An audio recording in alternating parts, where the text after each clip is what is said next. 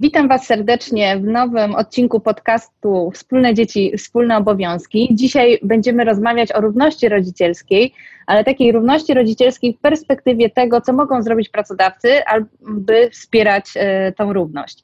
Moimi gośćmi w związku z tym są Suzana Romansowa, Equity, Diversity i Inclusion Leader w firmie IKEA.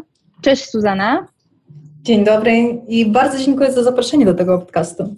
Jestem bardzo Dzięki. ciekawa naszej dyskusji dzisiaj. I mamy też Karola Bukałę, Head of HR Poland y, w NatWest. Cześć Karol. Dzień dobry, dzień dobry Karolina, Suzana i dzień dobry Państwu. Też jest mi bardzo miło, że zostałem zaproszony do tej dyskusji. Też jestem jej bardzo ciekaw.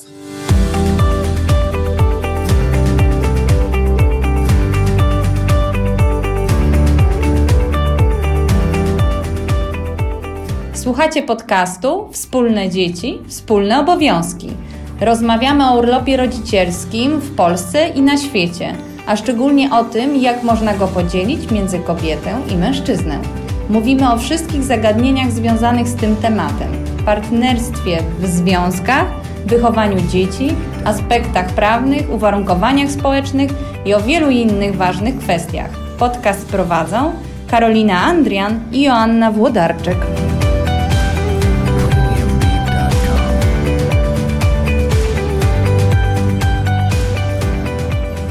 Mamy taką miarę równowagę, bo mamy i damskiego przedstawiciela sprawy, i męskiego, i jeszcze dodatkowo Karol, mam nadzieję, że się podzieli trochę swoimi osobistymi doświadczeniami, w których będzie miał, miał przyjemność brać udział dopiero, ale zobaczymy. No więc zacznijmy od tej równości rodzicielskiej. Jak e, wpiszemy sobie równość rodzicielską w internet, to wyskakują nam takie mm, hasła związane z rozwodami, z wykonywaniem władzy rodzicielskiej, z e, problemami ojców w uzyskaniu opieki nad dziećmi, e, o um, alienacji rodzicielskiej. Czyli ta równość rodzicielska pojawia się w takim kontekście bardzo trudnym, negatywnym, takim na końcu. My tutaj e, w fundacji mamy takie mm, podejście, które mm, zakłada, że, że to, co się dzieje właśnie przy tych rozwodach, przy takich trudnościach, jest wynikiem tych nierówności, które się już nawarstwiają od samego początku. W zasadzie, jak patrzymy na konstytucję naszą, to tam jest mowa o rodzicielstwie, jest mowa o macierzyństwie, a słowo ojcostwo y, nie pada. Tak samo jest, jeśli chodzi o prawo odnośnie urlopów rodzicielskich. Prawo do urlopu rodzicielskiego e, mają głównie matki i one mogą to prawo przekazać swoim partnerom, ojcom, aczkolwiek sam ojciec nie ma takiego indywidualnego prawa do urlopu rodzicielskiego, ma tylko takie prawo do urlopu ojcowskiego, które jest tylko dla niego. Pytanie do Was, e, moi drodzy, jak u Was w firmach zaczęła się cała dyskusja o tych e, równości rodzicielskiej? Czy kiedy ona się zaczęła, dlaczego ona się zaczęła? Jakie były okoliczności tego? Ja mogę zacząć. Dodam tylko do tego, co powiedziałeś, że zależy w jakim języku wpisać do Google e, równość rodzicielską, bo jeżeli wpiszemy po angielsku equal parenting, wtedy mamy i definicje, i mnóstwo bardzo pozytywnych artykułów, przykładów z różnych rynków w tym temacie. Więc mi się wydaje, że to jest bardziej taka specyfika lokalna, ponieważ nie mamy jeszcze wystarczająco doświadczenia i tych dobrych przykładów. I to może jest kwestia czasu. Mam nadzieję, że to jest kwestia czasu. Mhm. E, w naszym przypadku ta równość rodzicielska, do tego przyszliśmy bardzo logicznie poprzez wdrażanie polityki i podejścia do różnorodności i włączania, ponieważ e, równość płci jest jednym z wskaźników e, różnorodności i ta równość płci nie da się ją osiągnąć, jeżeli nie zadbamy o równość rodzicielską. Więc dla nas to było takie bardzo naturalne przejście do tematu. Jednak też powinniśmy, e, i też to było nasze wyzwanie na samym początku, aby zdefiniować dla siebie, na czym tak naprawdę ta równość ma polegać. I w tym momencie jesteśmy przy definicji, że to jest taka świadoma, bardzo celowa praktyka dzielenia się. I pracodawca w tym zagadnieniu odgrywa kluczową rolę w tym momencie. Mhm, dziękuję. Karol, jak u Was to wyglądało? Tak, to ja może tylko jeszcze też, y, podobnie jak Susana, skomentuję trochę ten element, y, czym, czym w ogóle jest ta mm, równość mhm. rodzicielska. Ja powiem Wam, że ja bardziej lubię na równość patrzeć szerzej, tak? bo akurat tutaj rozmawiamy oczywiście o rodzicach, ale takie bardziej filozoficzne i ogólne pytanie jest, czym w ogóle jest równość, tak, w różnych aspektach życia chociażby. I ja lubię mm, myśleć o równości jako o pewnej po prostu wolności, jako o możliwości wyboru, czyli ja mam jakąś możliwość, jakąś opcję i e, mogę się za tą czy inną e, opowiedzieć i żadna nie jest mi z gruntu dana, ale żadna też z gruntu nie jest mi e, zabrana. No i oczywiście całkowity brak jakiejkolwiek dyskryminacji, tak? czyli, czyli nie jestem w żaden sposób odseparowany, odseparowana od czegokolwiek, co jest dostępne, tak? Czyli taka pewna dostępność. To tak ja ogólnie definiuję równość, więc w przypadku rodziców to widziałbym to tak, że jest to pewna wolność, że są to pewne opcje, które y, to opcje obydwoje rodziców może wybrać lub z nich zrezygnować i tak dalej, i tak dalej, mhm. za przyzwoleniem drugiej strony. Natomiast jeśli chodzi o rozwiązania w firmie i co nas jakby pchnęło, to, to w zasadzie podobnie jak w przypadku tutaj Susany, to, to jest to kwestia ogólnie różnorodności i włączania, czyli tego wszystkiego, co jest istotne i ta równość rodzicielska, i ta równość płci, e, i to, czy mężczyźni i kobiety e, mają właśnie tę dostępność i tę wolność na takim samym poziomie, to są elementy, o których my po prostu na co dzień rozmawiamy też w innych aspektach. No i w to wchodzi aspekt bycia rodzicem i opieka nad y, dziećmi w tym przypadku. Mhm. Dodam jedną taką ciekawą rzecz, którą ostatnio czytałam, wyniki badań dr Katarzyny Suwady, która opublikowała teraz książkę na temat właśnie y, rodzicielstwa i ojcostwa w Polsce, takie duże badania. I ona tam w pewnym momencie wspomina o prawie, e, prawie do na przykład do rodzicielstwa albo prawie do kariery zawodowej. I trochę patrzy na te, na te prawa w kontekście tego, mm, komu to prawo jest tak naprawdę dane, bo jednak z jednej strony, prawda, jak patrzymy na to, to i kobieta, i mężczyzna mają takie same prawo do tego, żeby się rozwijać zawodowo i takie same prawo do tego, żeby być rodzicami. Jednak praktyka pokazuje, że każde z nich ponosi trochę inne konsekwencje wynikające z tych praw, tak? I że to prawo w jakimś stopniu, w większym stopniu jest dane na przykład w kontekście opieki do dziećmi kobietą, czyli pracodawcy inaczej patrzą trochę na kobiety, dają im tą możliwość do tego, żeby być y, matkami i akceptują pewne niedogodności z tego wynikające. W dużo mniejszym stopniu właśnie dotyczy to mężczyzn, ale jest też druga karta tego, czyli właśnie prawo do tego, żeby aktywnie się rozwijać zawodowo, żeby mieć szansę na awanse, żeby mieć szansę na to, żeby nie iść na boczny tor, na przykład z powodu y, rodzicielstwa i to prawo w większym stopniu jest dawane jeśli można w ogóle tak powiedzieć o prawie, bo niby prawo jest dane każdemu, ale w większym stopniu jest dostępne mężczyznom i takie większe jest zrozumienie pracodawców niż y, z kolei kobietom. No i mm, pytanie do Was, w jaki sposób y, pracodawcy mogą zadbać o taką równość rodzicielską u siebie, może tak na początku i też w kontekście tego, dlaczego mieliby się w ogóle zająć takim y, tematem, tak? Bo w Waszych organizacjach ta równość jest na sztandarach trochę i, i Wy się długo zajmujecie tym. W związku z tym, czym człowiek dłużej się zajmuje, tym więcej rozumie, ale nie, nie wszystkie firmy mogą się jakby wykazać takim głębszym zrozumieniem. Może ja tym razem zacznę, e, Dobrze. Suzana, jeśli pozwolisz. E, mhm. Karolina tutaj nie wywołuje nas jakoś e, Aha, będę was wywoływać. Do, do odpowiedzi, więc, więc, więc tak, żeby, żeby też właśnie była ta równość w odpowiedzi, kto pierwszy odpowiada na pierwsze pytanie, potem kto na drugie. I może zacznę od samego końca, Karolina, czyli od tego wątku, dlaczego, dlaczego to jest ważne, dlaczego w ogóle ta kwestia właśnie różnorodności, właśnie tej równości, e, no i również włączania, bo no dla mnie te, te wątki wszystkie są, są ze sobą bardzo mocno oczywiście połączone. Można powiedzieć, nie ma włączania bez różnorodności, bo gdyby jej nie było, to nie, to, to nie mielibyśmy kogo włączać, na przykład. Można w taki bardzo prosty sposób to mm, sobie, sobie e, rozumieć. Natomiast to jest ważne, bardzo ważne, ponieważ przede wszystkim świat jest różnorodny, tak? To jest, to jest pierwsza sprawa. Jesteśmy różni, jesteśmy inni i jest bardzo ważne, żeby po prostu to, to rozumieć, akceptować i włączać każdą właśnie tego typu różnorodność, inność i tak dalej. My ładnie mówimy, ja pozwolę sobie tutaj pewnie podczas naszego podcastu kilka takich anglojęzycznych zwrotów użyć. My po prostu mówimy, to jest right thing to do, tak? To jest po prostu coś, co należy robić, tak? I to jest bardzo ważne. Druga kwestia jest taka, że Pod kątem biznesowym, tak strictly, i pod kątem rozwoju organizacji, realizacji pewnych celów organizacji, które to również w czasie się zmieniają, od celów takich, żeby kiedyś tylko zarabiać pieniądze, do, do celów takich, żeby robić coś dobrego dla świata, to wszelkiego rodzaju badania, różnego rodzaju artykuły czy, czy opracowania na przykład firm konsultingowych pokazują, że po prostu w różnorodności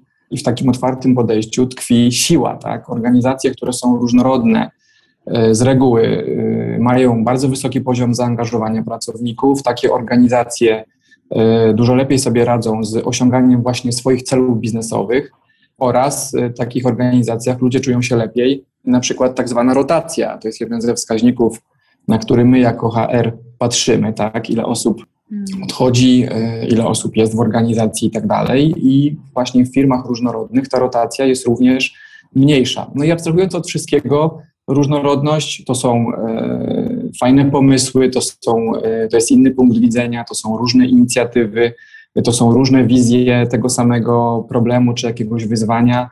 Więc na co dzień możemy obserwować w różnego rodzaju grupach roboczych, że to się po prostu sprawdza, jest dużo dobrego e, też pod kątem e, biznesowym.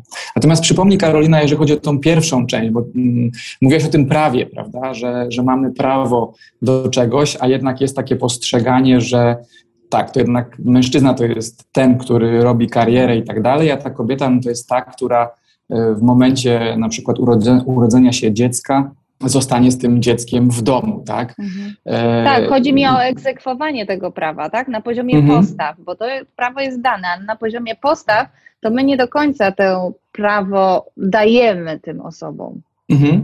No możemy również powiedzieć, pewnie jeszcze dotkniemy tego tematu, że dzisiaj w zasadzie ten urlop rodzicielski e, może być też podzielony 50 na 50, prawda? Mhm. Istnieje taka możliwość. Niemniej jednak widzimy właśnie, czyli jest takie prawo, jest to czarno na białym napisane, że rodzice mogą to zrobić, a jednak widzimy, że y, realnie dużo mniej, i to bardzo dużo mniej, tak jak wiemy, y, mhm. mężczyzn jednak decyduje się na tego typu y, urlop.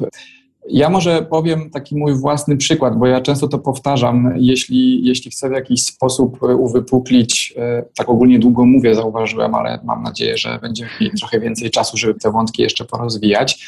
Ja bardzo często e, mówię o sobie w ten sposób, że jestem białym mężczyzną w średnim wieku, heteroseksualnym, mam e, żonę, teraz od niedawna, tak, od siedmiu miesięcy z małym hakiem mam, mam dzidziusia, mam dziecko, więc te wszystkie elementy, które wymieniłem, predysponują mnie do tego, żebym ja zrobił karierę zawodową, tak? Ale tak naprawdę ja mówię o tym, e, żeby pokazać pewnego rodzaju paradoks, że moją rolą jako dyrektora HR w mojej firmie jest właśnie walczyć z takim wizerunkiem, tak? Jest właśnie myśleć zupełnie inaczej, tak?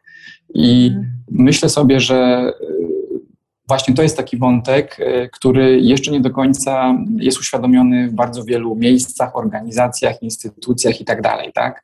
E, czyli widzimy właśnie taki profil tego faceta w średnim wieku, białego i tak dalej i myślimy, okej, okay, to, jest, to jest człowiek, który robi karierę, tak? A powinniśmy kompletnie to odwrócić i wspierać, tak jak my to robimy w organizacji, kobiety, żeby to one robiły kariery, tak? żeby to one były tymi, które są właśnie predysponowane do tego, żeby e, znajdować się na eksponowanych wysokich stanowiskach, żeby zarabiać odpowiednio dużo, żeby przełamywać wszelkie bariery, jeśli chodzi o to, jakie na przykład zawody czy miejsca w organizacji postrzegane są jako te bardziej męskie, na przykład obszar technologii, tak zwany mhm. IT, a na przykład te zawody, które są być może postrzegane jako te bardziej żeńskie, tak? Czyli to jest takie ciągłe uświadamianie, włączanie właśnie wszystkich grup do takiego jednego miejsca, tak, do takiego jednego koszyka, absolutnie nie wykluczanie nikogo i tak dalej. Może na tym, może na tym póki co skończę, bo pewnie jeszcze wiele wątków się za moment pojawi. Mhm. Suzana. Tak, to ja do tego dodam, bo generalnie się podpisuję pod wszystkim, co powiedział Karol, zwłaszcza po tym, że różnorodność się opłaca i z perspektywy tego, że to jest human case, tak, że, że, że nice thing to, jak powiedziałeś, ale też za tym stoi business case bardzo mocny i to też odpowiada na pytanie, dlaczego firma ma to, w to się angażować z jednej strony. Z mhm. drugiej strony, y, odpowiadając też na to pytanie a propos zaangażowania firmy, a jak byśmy mogli nie angażować się? To jest takie pytanie, ponieważ praca jest tak istotna i tak ważna dla każdego z nas. Mi się wydaje, że te czasy, kiedy próbowaliśmy to rozdzielić, już dawno są za nami. Tak? I ja jestem tą samą osobą w domu, jaką jestem w pracy. I tego, tego nie da się po prostu zostawić moją osobowość gdzieś, a, a gdzieś po prostu e, skupić się tylko wyłącznie na mojej roli zawodowej. Więc praca jest istotną, integralną częścią naszego życia. E, z kolei też, co jest ciekawe, że praca jest tak mocno powiązana z rodzicielstwem. I tak oni mają też na siebie wzajemnie wpływają. Tak? Na przykład e, to rodzicielstwo, zarówno jak emerytura, jest jednym z tych źródeł bierności zawodowej kobiet. Tak? I to ma mhm. absolutnie ogromne przełożenie na, na, na pracodawcę i na rynek pracy. A po trzecie, to, że teraz czasy się bardzo zmieniają i z, ostatnich, z ostatniego raportu Edelmana, tak mi się wydaje, to jest mhm. E, podkreślone, że pracodawca jest jednym z najbardziej zaufanych źródeł i wsparcie i zaufanie dla, dla pracownika, tak? Mhm. Więc tutaj rola, rola pracodawcy jest e, kluczowa, jest bardzo ważna. Mhm. Więc pytanie, jak to zrobić w właściwy sposób. E, dodam jeszcze do tego, co Karol powiedział propos wsparcia kobiet. Zawsze myślę o tym, że może nie tyle potrzebujemy wspierać kobiety, na ile nie przeszkadzać im tak naprawdę.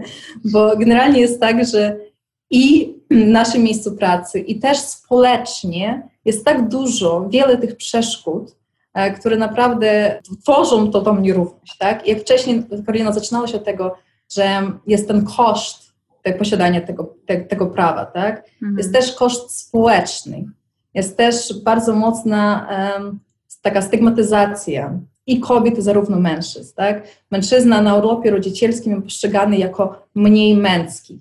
I to, jest, to są badania pod to. Ale zarówno kobiety też. Ja też mam swoje własne doświadczenia. Ja wróciłam do pracy, jak moje dziecko miało 10 miesięcy i nie było żadnego dnia w ciągu trzech pierwszych miesięcy, żeby ja nie dostałam pytania, z kim jest dziecko. Mój partner żadnego razu nie dostał tego pytania. Tak? Więc społecznie też nadal pozostaje to pytanie i też postrzeganie kobiety jako tej, która musi cały czas e, balansować i, i, i szukać tej równowagi.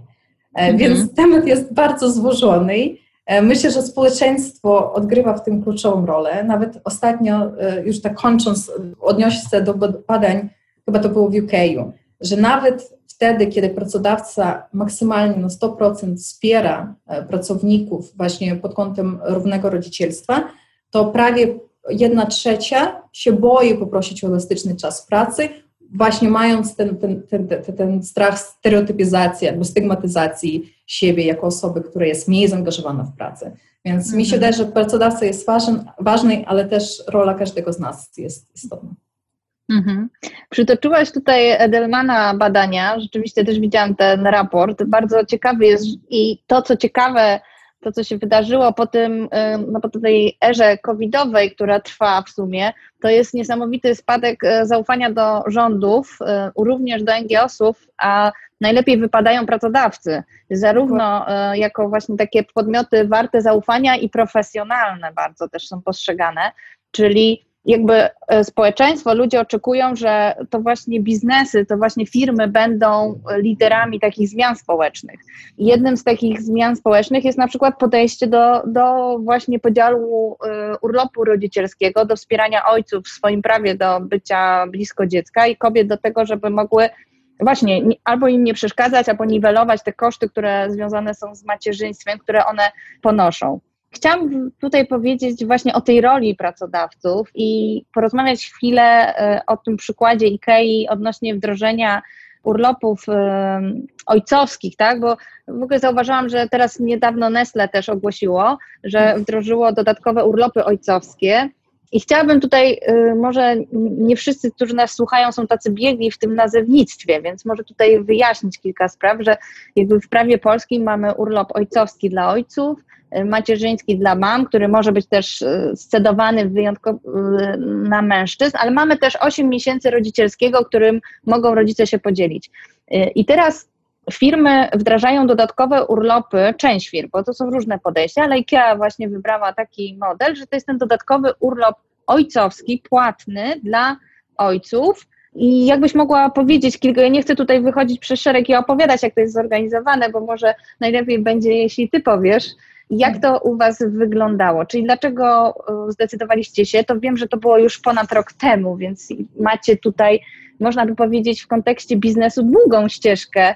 W kontekście zmiany postaw powiedziałabym króciutką, bo to zajmuje tak. trochę czasu. E, jak to u Was wyglądało? E, no i, i z czym się borykaliście? Jakie wyzwania macie? Mieliście? Jakie korzyści może już odnotowaliście? Opowiedz nam. Chętnie. Urlop Ecowski prowadziliśmy od 1 stycznia 20, 2020 roku, więc już powyżej roku e, mamy ten dodatkowy benefit i polegał na tym, że no, ojcowie WK mają dodatkowe 4 tygodnie pełnopłatnego urlopu ojcowskiego. I ten urlop można wykorzystać do 18 miesiąca życia dziecka w całości lub podziale e, dwa razy po dwa tygodnie. I w tym momencie z tego benefitu skorzystało 87 osób. Mhm. To jest najświeższe statystyki. E, informacja zwrotna oczywiście jest bardzo pozytywna, bo to jest dodatkowy benefit i on mhm. wspiera i nasze podejście, i nasze wartości, więc z tego chętnie korzystają.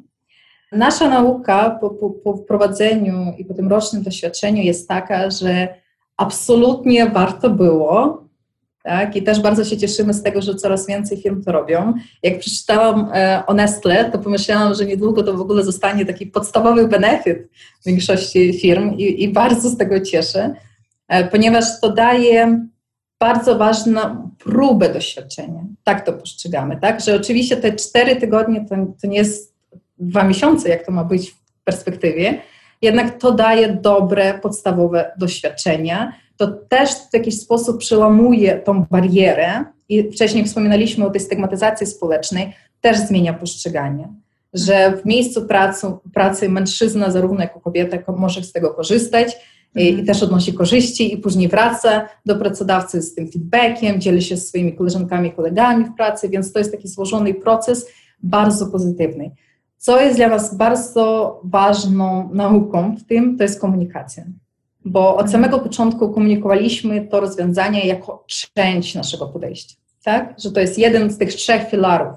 I równe rodzicielstwo jest tak samo ważne, jak i równe płace, czy równa reprezentacja w zarządzaniu. I jaki to ma wpływ, że z jednej strony e, wspiera, e, wspierasz swój związek, swoją kobietę, swoją partnerkę, też wspierasz tę więź z dzieckiem i też dostajesz sam. To bardzo ważne e, doświadczenie rodzicielskie. Jednak my sobie też tak zanotowaliśmy, że powinniśmy jeszcze bardziej to komunikować. Że rzeczywiście z naszej perspektywy, zwłaszcza z naszej perspektywy, jako osób, które są zaangażowane w ten proces, to jest oczywiste. Jednak e, pracownik, który, ma, e, który pracuje w zupełnie innym, innym dziale, tak, ma na co dzień mhm. swoje zadania, dostaje dodatkowy benefit, z niego z chęcią korzysta, może nie do końca ma y, czas i możliwość takiej autorefleksji, tak? co tak naprawdę w takim większym obrazku to daje, jak to pozytywno, pozytywnie wpływa na nasze społeczeństwo, a właśnie o to nam chodzi. Więc Jedno z takich celów naszych na ten rok to jest e, jeszcze większa e, sfokusowana komunikacja tego urlopu ojcowskiego. Z drugiej strony też powinniśmy zadbać o inne takie systemowe działania wokół tego urlopu. Bo jedna rzecz to jest dodatkowy benefit dla ojców, ale też teraz na przykład kupiamy się na temacie e, tranzycji i powrotu kobiet po macierzyńskim. I tutaj też powinniśmy wdrożyć szereg systemowych, wewnętrznych rozwiązań i wtedy w całości to będzie działało tak, jak jak, jak dokładnie w założenia to, to, to wynika. Mhm. Ale jesteśmy, A... jesteśmy bardzo zadowoleni, jakbym, jakbym miała to podsumować. Mhm. A powiedz mi, czy patrzyliście na to w kontekście, ile osób z młodych ojców nie decyduje się, czy też porównaliście, jaki procent mężczyzn, którzy stają się ojcami, stali się ojcami w 2020, nie zdecydowało się skorzystać. Tak, właśnie, bo to Zuzana powiedziała o tych 87 osobach, a jaki to jest mhm. właśnie procent wszystkich ojców e, w tym roku, właśnie 2020?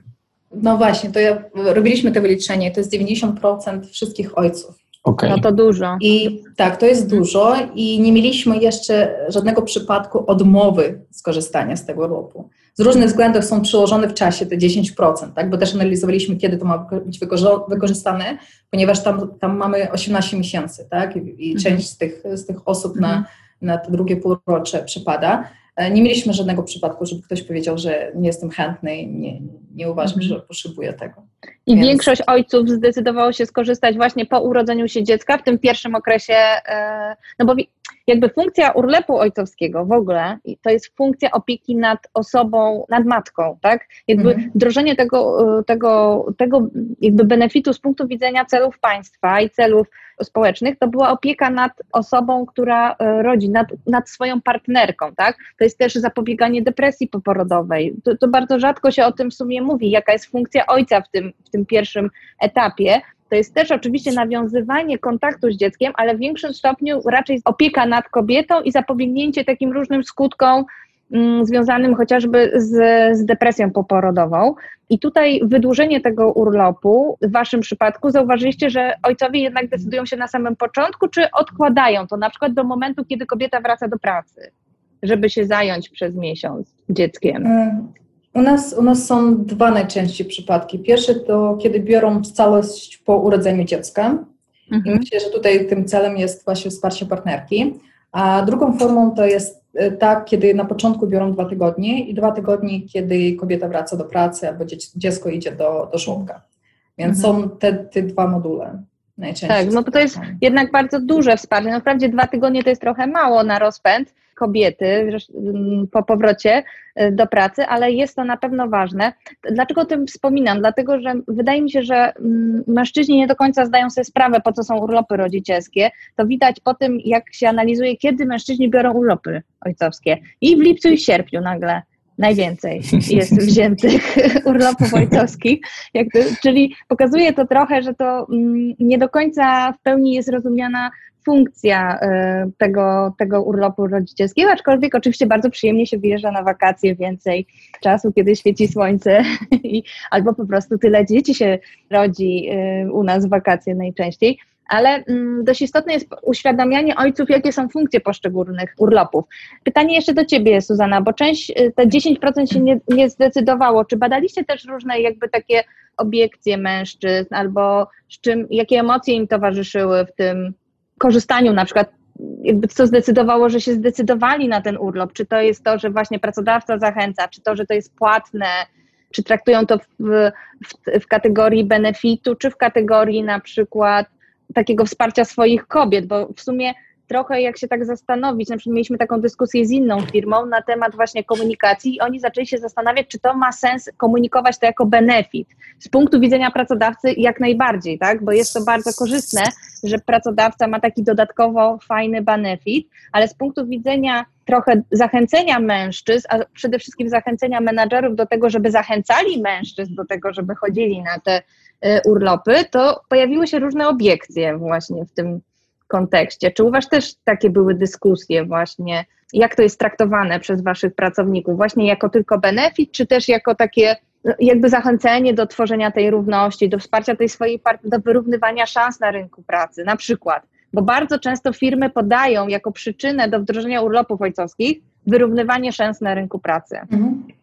Czy na to też tak mężczyźni patrzą i czy rzeczywiście ten urlop dodatkowe dwa czy trzy tygodnie ma taką funkcję jak wyrównywanie szans na rynku pracy. Pozwoliłam sobie na takie trudniejsze pytanie do Was, przepraszam, bo jest to podcast Wspólne Dzieci, Wspólne Obowiązki prowadzone przez Fundację Share the Care, więc y, no tutaj rozbrajam trochę te tematy. Ale to jest bardzo, bardzo ciekawe y, pytanie. Ja powiem tak, że dostawaliśmy i też zbieraliśmy celowo te testymoniale ojców, więc mhm. jak, jaka, jaka była motywacja, jak to postrzegają. Najczęściej argumenty oczywiście, że to jest benefit, to jest plus, tak? Dostajesz coś mhm. dodatkowego z tego korzystasz, pięknie. Ale też często się pojawia to więź z dzieckiem, jak wcześniej wspominałam, i wsparcie partnerki. Więc może nie patrzę na to właśnie tak holistycznie, całościowo, propos społeczeństwa i równości płci w społeczeństwie, ale na własnym przykładzie rozumiem, że to daje wsparcie partnerce i to te, też daje wsparcie dziecku i też wsparcie im. im tak? Mhm. E, to, jak jest postrzegane w naszej firmie, jest też może w jakimś stop, stopniu e, zdeterminowane tym, jaką firmą IKEA jest. Mhm. Bo nasze wartości od zawsze to, to było to poczucie wspólnoty i wsparcie siebie nawzajem i włączające otwarte miejsce pracy. Więc naturalnie my zatrudniamy, rozwijamy i wspieramy te podstawy od samego, od samego początku i też zatrudniamy przez te wartości, więc dla naszych pracowników, dla naszych menedżerów to jest oczywiste, dlaczego my to robimy i dlaczego my wspieramy i też w jakiś sposób oni do tego się przyczyniają i czują z tego dumy. E, propos dumy też dostawaliśmy dużo feedbacku, że nasi pracownicy, i ostatnio też mieliśmy taki, taki przypadek, podkreślają, że ja jestem, ja jestem dumny, że ja pracuję w firmie, która umożliwia mi skorzystanie z tego, z tego e, urlopu.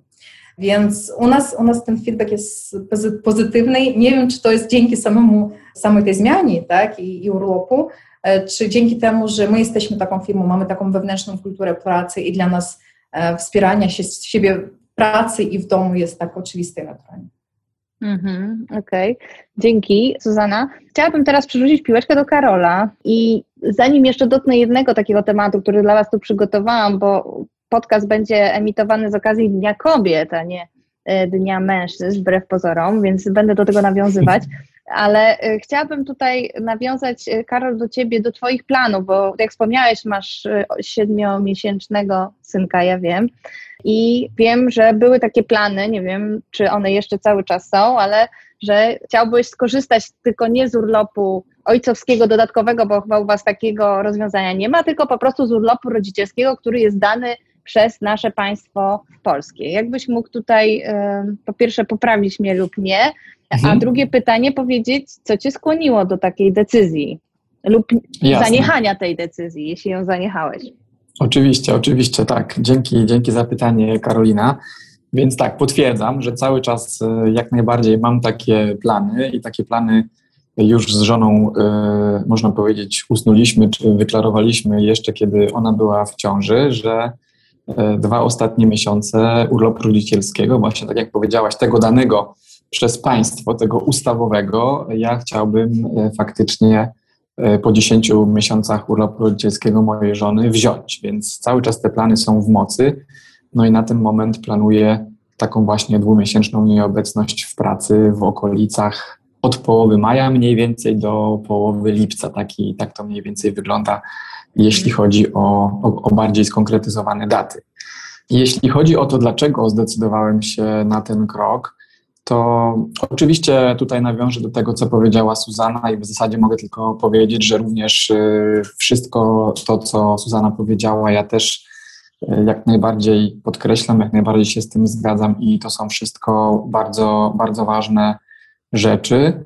Mm, myślę, że y, jeden element, który dodałbym, to jest coś, co my nazywamy znowu z angielskiego tone from the top, czyli pewnego rodzaju modelowanie y, mhm. też i pokazywanie pracownikom, że właśnie pewne rzeczy są możliwe. Oczywiście jest to taka ogólna narracja firmy, tak, tak jak powiedziała Suzana, jeśli jest pewna określona kultura, tak jak w przypadku IKEA, to w zasadzie jest to samo przez się właściwie dorozumiane, że nie ma innej opcji, tylko robimy to, tak jak w przypadku IKEA i, i tego dodatkowego urlopu ojcowskiego. No tak samo my tutaj, tak, przez nasze działanie, przez działanie osób, które tworzą e, zespół zarządzający w firmie NatWest, możemy powiedzieć, że pokazujemy, staramy się być pewnym modelem. I ponieważ ja osobiście mm, w ten wątek właśnie tego, tego wyrównywania e, i tej właśnie równości rodzicielskiej, tak jakby bardzo personalnie też się to angażuję, no to postanowiłem, że no nie ma e, innej opcji, jak samemu nie pokazać, że jest to, że jest to możliwe, że chcemy to robić, że ja też to zrobię tak żeby wszystkich mężczyzn, którzy jeszcze się nie ośmielili, bądź nie mają takiej świadomości, dlaczego to jest ważne, no właśnie, żeby to również y, zrobili. Myślę, że tak ogólnie, trochę też nawiązując do tego, co powiedziała Suzana, właśnie, że czasy się zmieniają, pewne, pewne trendy się zmieniają i myślę, że dzisiaj, może to jest zbyt górnolotne, co powiem, ale że mamy do czynienia, e, tutaj pewnie mężczyźni mnie pochwalą za to, co powiem, ale z najlepszymi e, jakby rodzicami, z najlepszymi tatusiami e, od, od dekad, ja bym powiedział, tak? Czyli jakby ja głęboko myślę, że ta świadomość rodzicielska, tej ważności, że bycie z dzieckiem, szczególnie w tym pierwszym okresie życia, a ja to rozumiem jako od zera do trzech lat, gdzie tak naprawdę w zasadzie osobowość tego małego człowieka się kształtuje i my możemy mieć na to realny wpływ. I jakby obecność właśnie w tym czasie w domu, poświęcanie dziecku czasu, bycie z nim i pokazywanie właśnie też tej, nazwijmy to umownie, męskiej strony, bo oczywiście ja nie chciałbym tutaj stygmatyzować, że coś jest męskie, żeńskie, ale właśnie ta obecność taty w domu i bycie z maleństwem jest po prostu bardzo ważne i to jest znowu taki element, który ja e, po prostu uważam, że powinien być, tak po prostu, tak? I nie wyobrażam sobie inaczej, więc można by powiedzieć, że być może moja świadomość e, dotycząca wychowania dziecka jest trochę większa, natomiast no, chciałbym, żeby i, i tak myślę, że jednak bardzo wielu ojców dzisiaj również taką świadomość po prostu e, ma. E, no i tak to widzę, tak? Więc ja też. A jak NatWest że... zareagował? Tak, to jeszcze raz tylko jedną rzecz jeszcze powiem, Aha. że też y, oczywiście osobiście starałem się trochę odrobić pracę domową i podczas ciąży mojej żony i teraz w pierwszych miesiącach życia dziecka, czyli Czyli trochę więcej też czytam na ten temat. Y, kupiłem sobie dosyć dużo różnych pozycji. Ty, Karolina, wiesz, że gdzieś tam czytam różne, różne ciekawe y, pozycje dotyczące wychowania maluszków, od y, takich pozycji, jak wychować chłopca, do takich pozycji po prostu, jak na przykład nosić dziecko, tak? Noszenie dzieci jest taka pozycja. Więc ktoś mógłby sobie pomyśleć, kurczę, książka między 200 a 300 stron tylko o noszeniu dzieci, ale ona oczywiście też traktuje o bardzo wielu innych elementach rozwojowych, dotyczących dziecka i właśnie roli rodzica. Też obejrzałem kilka ciekawych filmów, filmów dokumentalnych czy paradokumentalnych właśnie związanych z tym, jak też pod kątem chociażby takim stricte chemicznym, tak, jak reagują ojcowie, jak reagują mamy po urodzeniu się dziecka. No i taka ogólna, można powiedzieć, konkluzja jest, że w zasadzie rodzice reagują bardzo podobnie. Te same, ta sama chemia gdzieś się gdzieś tam wydziela w mózgu i ta bliskość i to budowanie więzi e, w zasadzie jest dosyć podobne i w przypadku mamy, i w przypadku taty, właśnie jeżeli chodzi o budowanie więzi z dzieckiem. Także, mhm. także no stąd też e, taką dodatkową wiedzę teoretyczną e, pozyskałem, żeby właśnie teraz ją praktycznie wykorzystywać. Jeśli zaś chodzi o to, jak e, moja firma zareagowała, no to tutaj po prostu mogę powiedzieć właściwie to, co Susana o IKEA, tak, że, że, że w NatWest pielęgnujemy różnorodność i włączanie i to jest absolutnie czymś normalnym. Tak? Moja obecna przełożona to jest akurat dzisiaj menadżerka, która fizycznie siedzi w Irlandii, tak żeby bardziej skonkretyzować kulturowo, gdzie, gdzie ona jest osadzona, no po prostu wręcz uśmie, y, uśmiechnęła się, ucieszyła, jak najbardziej też podkreśliła ze swojej strony, że, y, że oczywiście zdaje sobie sprawę, że jest to ważne. Zdaje sobie też sprawę, że jest to ważne właśnie z punktu widzenia tego, tego takiego role modelingu, tak, i też pokazywania innym, mm. że, że jak najbardziej my jesteśmy jako firma na to otwarci. No i właśnie nawet ostatnio mnie dopytywała na początku roku, Karol, tylko przypomnij mi właśnie, kiedy ty zamierzasz iść na, y, na to właśnie swoje wolne, na ten swój urlop, y, tak żeby dobrze zorganizować ten czas, kiedy ciebie nie będzie. Także ogólnie po prostu pełne wsparcie dla tej mojej takiej, nazwijmy to, półprywatnej inicjatywy, czy też prywatnej inicjatywy. Mhm. Czy ja mogę zrefleksować do tego, co Karol tak, powiedział? proszę bardzo. Bo, bo, bo, uważam, że w ogóle to, co poruszyłeś odnośnie tych wzorów do naśladowania, tak, role modelingu, jest w ogóle tutaj kluczowe w tym temacie, ponieważ ja tak sobie myślę, jakby mój menedżer teraz w odebraniu ODK w ogóle na rynku, tak, skorzystał z tego urlopu, to ja jako pracownik byłby bardziej otwarty i chętny, tak? Bo nawet sobie podświadomie zakładamy, że jeżeli chcemy, nie wiem, nie mówimy tylko wyłącznie o urlopie, ale też tej elastyczności pracy, mm. to mm. zakładamy sobie, jeszcze nie wiedząc, jak on albo ona odreagują, zakładamy, że mo, może ta reakcja być negatywna i to z nas niechęca. Więc mając przed sobą te wzory do naśladowania, mi się wydaje, że to jest, to jest mega, mega ważne i, i super, że o tym powiedziałeś. Druga ważna rzecz, którą też taką refleksję miałam, kiedy rozmawiałeś, że twoje dziecko, obserwując ciebie, tak, to w jakiś sposób my też kształtujemy te kolejne pokolenia.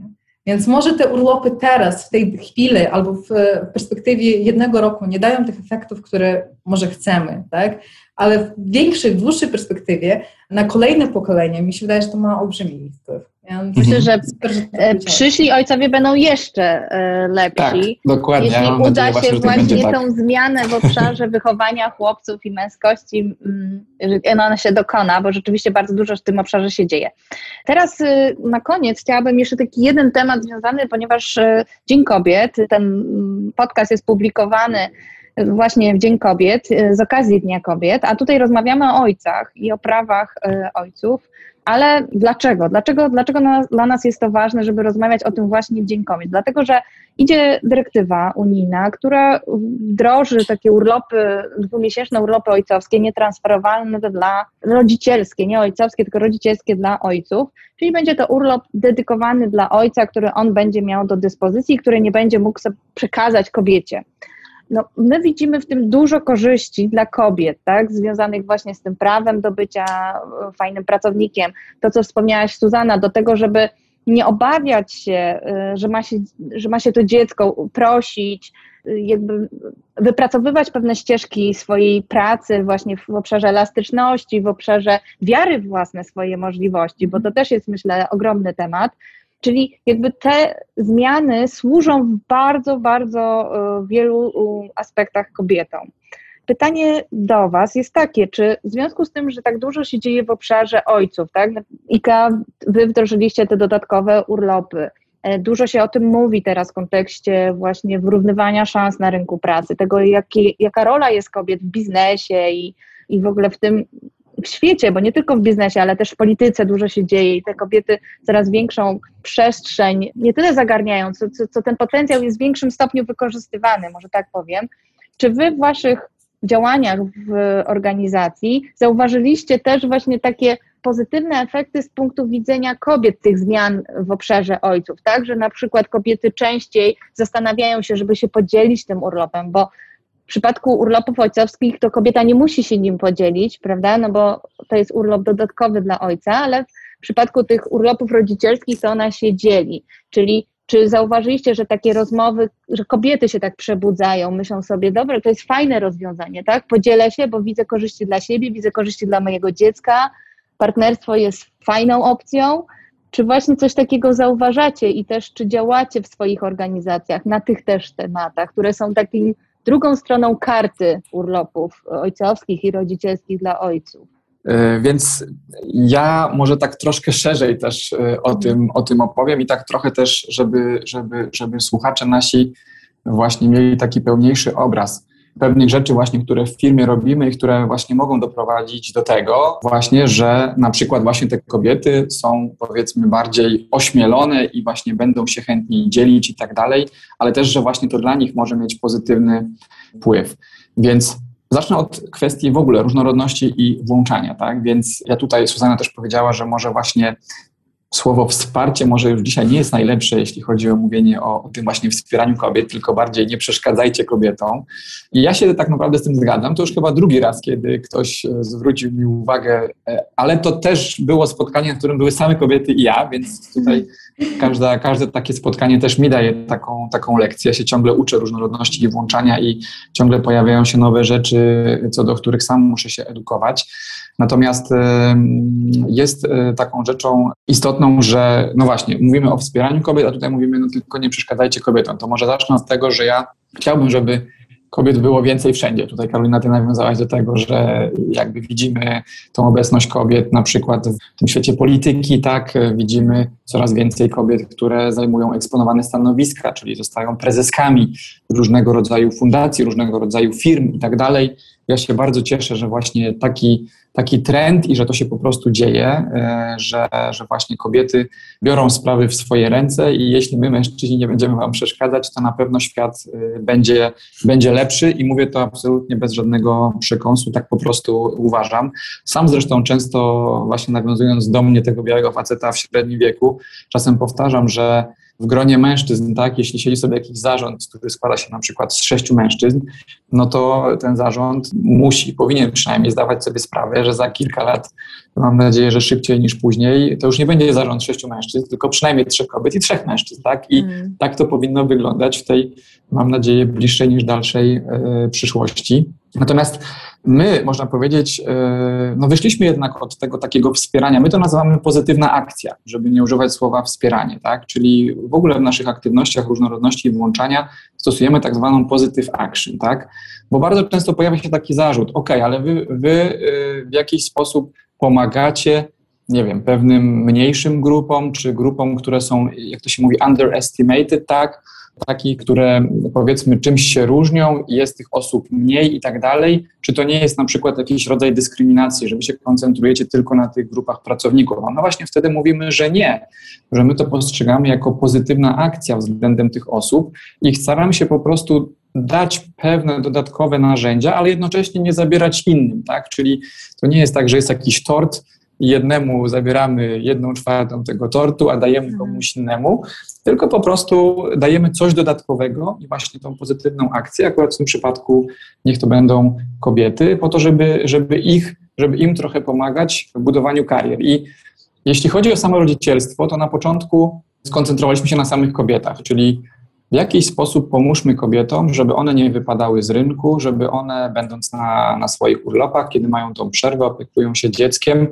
to żeby, e, żeby właśnie je jakoś wesprzeć. Tak? No i na przykład zbudowaliśmy taki program, który my nazywamy Keep in Touch, czyli bądźmy w kontakcie, tak? czyli że, że kobiety cały czas biorą, można powiedzieć, mniej lub bardziej e, aktywny udział w życiu firmy, tak? żeby one nie miały takiego poczucia, że gdzieś nagle na okres roku czy dwóch lat kompletnie wypadają e, z rynku pracy, kompletnie wypadają z tego obiegu firmowego, tylko że cały czas jesteśmy z nimi w kontakcie, czyli są zapraszane na różnego rodzaju eventy, biorą udział w jakichś wydarzeniach e, i tak dalej. Druga rzecz, którą zrobiliśmy, i to uważam było dość nowatorskie, to było oferowanie, można powiedzieć, z klucza w cyklach podwyżkowych, e, podwyżek również kobietom, których w danym roku, tym tak zwanym roku oceny, nie było w ogóle w firmie, tak? Czyli Chodziło nam o to, żeby kobiety, pomimo tego, że ich nie ma, cały czas miały zwiększane wynagrodzenie. Akurat nasz e, sposób, e, można powiedzieć, całe rozwiązanie wynagrodzeniowe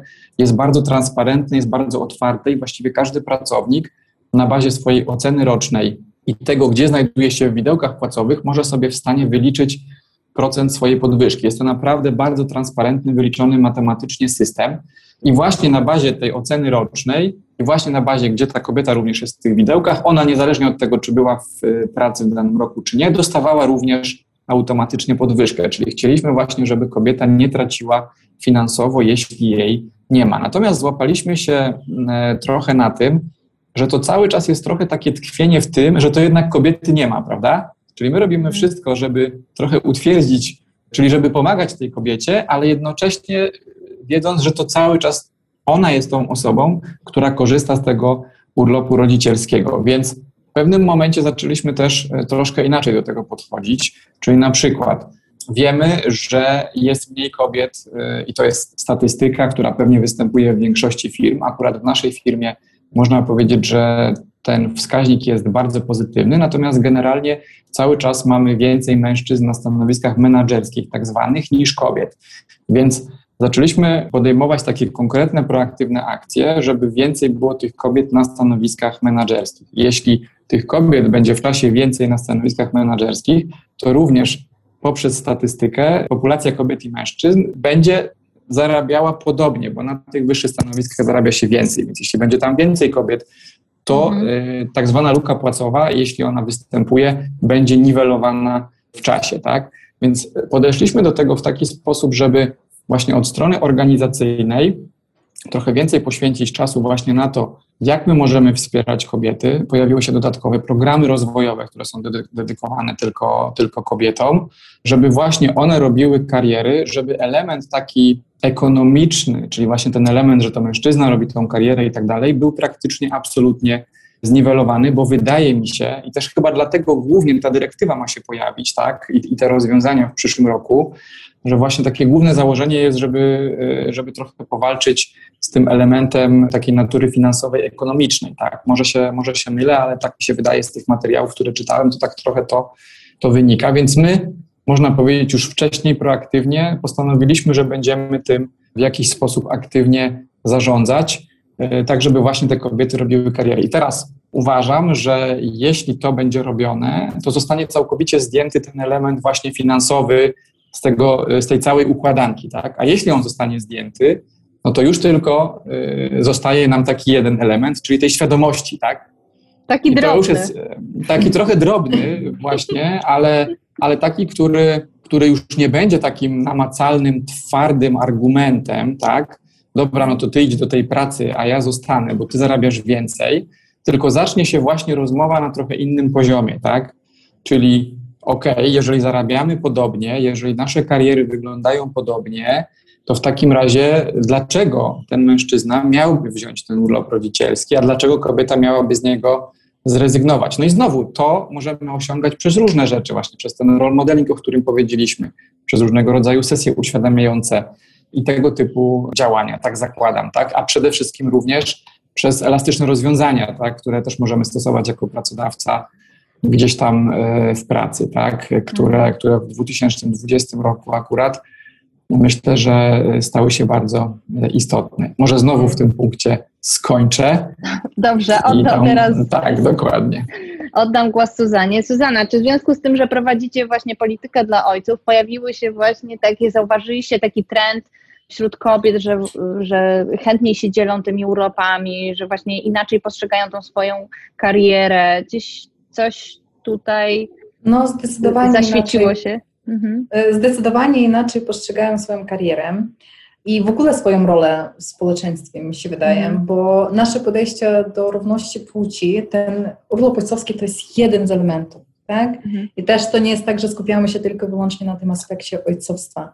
Oprócz tego jest y, cały, cały wątek równości płac i o czym Karol wcześniej powiedział. W ogóle dziękuję Ci bardzo, Karol, za wszystko, co powiedziałeś, bo zahaczyłeś najważniejsze e, zagadnienia. Ta motywacja finansowa i ta pewność też swojej niezależności finansowej jest mhm. w ogóle kluczowa tutaj. Więc dla nas aspekt równości płac i niwelowania tej luki płacowej jest też jednym z aspektów równość w zarządzaniu i, i ta równowaga na wszystkich poziomach w organizacji jest też jednym z elementów. Plus do tego wszystkiego są też szkolenia budujące świadomość i otwartość i też nasze ewentualne nieświadome nastawienia wobec kobiet pod kątem oceny na przykład, tak, mhm. albo dawania możliwości rozwoju. Więc moje, to jest moje subiektywne postrzeganie, że kobiety w IKEA czują się bardziej chętne do tej równości E, rodzicielskiej albo równości e, płci we wszystkich obszarach swojego życia. Ale to jest moje, moje subiektywne spostrzeżenie. Z mhm. drugiej strony my też mierzymy ten wskaźnik włączania i to, to jest też ciekawe pod kątem tego ilościowego podejścia, że w porównaniu do 2019 roku nasz poziom włączania wzrósł o 5,5%. To jest mhm. dla nas to jest duży wzrost, tak? I oczywiście to podejście do równości płci może być tylko jednym i prawdopodobnie jest tylko jednym z elementów, ale świadczy to o tym, że kobiety, zarówno jak i mężczyźni, czują się bardziej włączeni w IKEA. I dla nas to jest takie pozytywne potwierdzenie tego, że jesteśmy e, i działamy we właściwym kierunku. W ogóle myślę, że tak podsumując to wszystko, co powiedzieliśmy, że motywacja finansowa i ta pewność siebie e, w rozwoju zawodowym jest jednym aspektem bardzo ważnym. Drugim jest ta świadomość, o której Karol powiedział. Świadomość siebie, świadomość, czym jest rodzicielstwo, jaka jest też rola każdego z rodziców, też świadomość społeczna, bo to jest, wszystko jest powiązane między sobą, tak? I gdzieś tam jednym z elementów jest właśnie rola pracodawcy, który systemowo to wszystko wdraża na różnych, na różnych poziomach. Więc to jest złożone zjawisko, ale zdecydowanie mi się wydaje, że to wszystko daje nam pozytywny efekt w sumie, zwłaszcza, mhm. zwłaszcza dla kobiet, ale zarówno i mężczyzn. No właśnie, to zawsze trudno rozsądzić, czy to przynosi efekt w większej, e, większej mierze kobietom czy mężczyznom. Ja nie będę rozpoczynać tego wątku, może zamkniemy już na tym etapie y, naszą y, dyskusję. Bardzo Wam dziękuję, że zgodziliście się dołączyć y, i wziąć udział w tym podcaście. Moimi gośćmi była Suzana Romansowa z firmy IKEA i Karol Bukała z firmy NatWest. Bardzo Wam dziękuję. Życzę wszystkim, ponieważ publikujemy odcinek Dzień Kobiet, miłego dnia i również następnych. No i 10 marca miłego dnia z okazji Dnia Mężczyzny, bo z tego co wiem, też taki, takowy się zbliża. Dziękuję uprzejmie. Dziękuję. Bardzo dziękuję również. Dziękuję. Dziękujemy.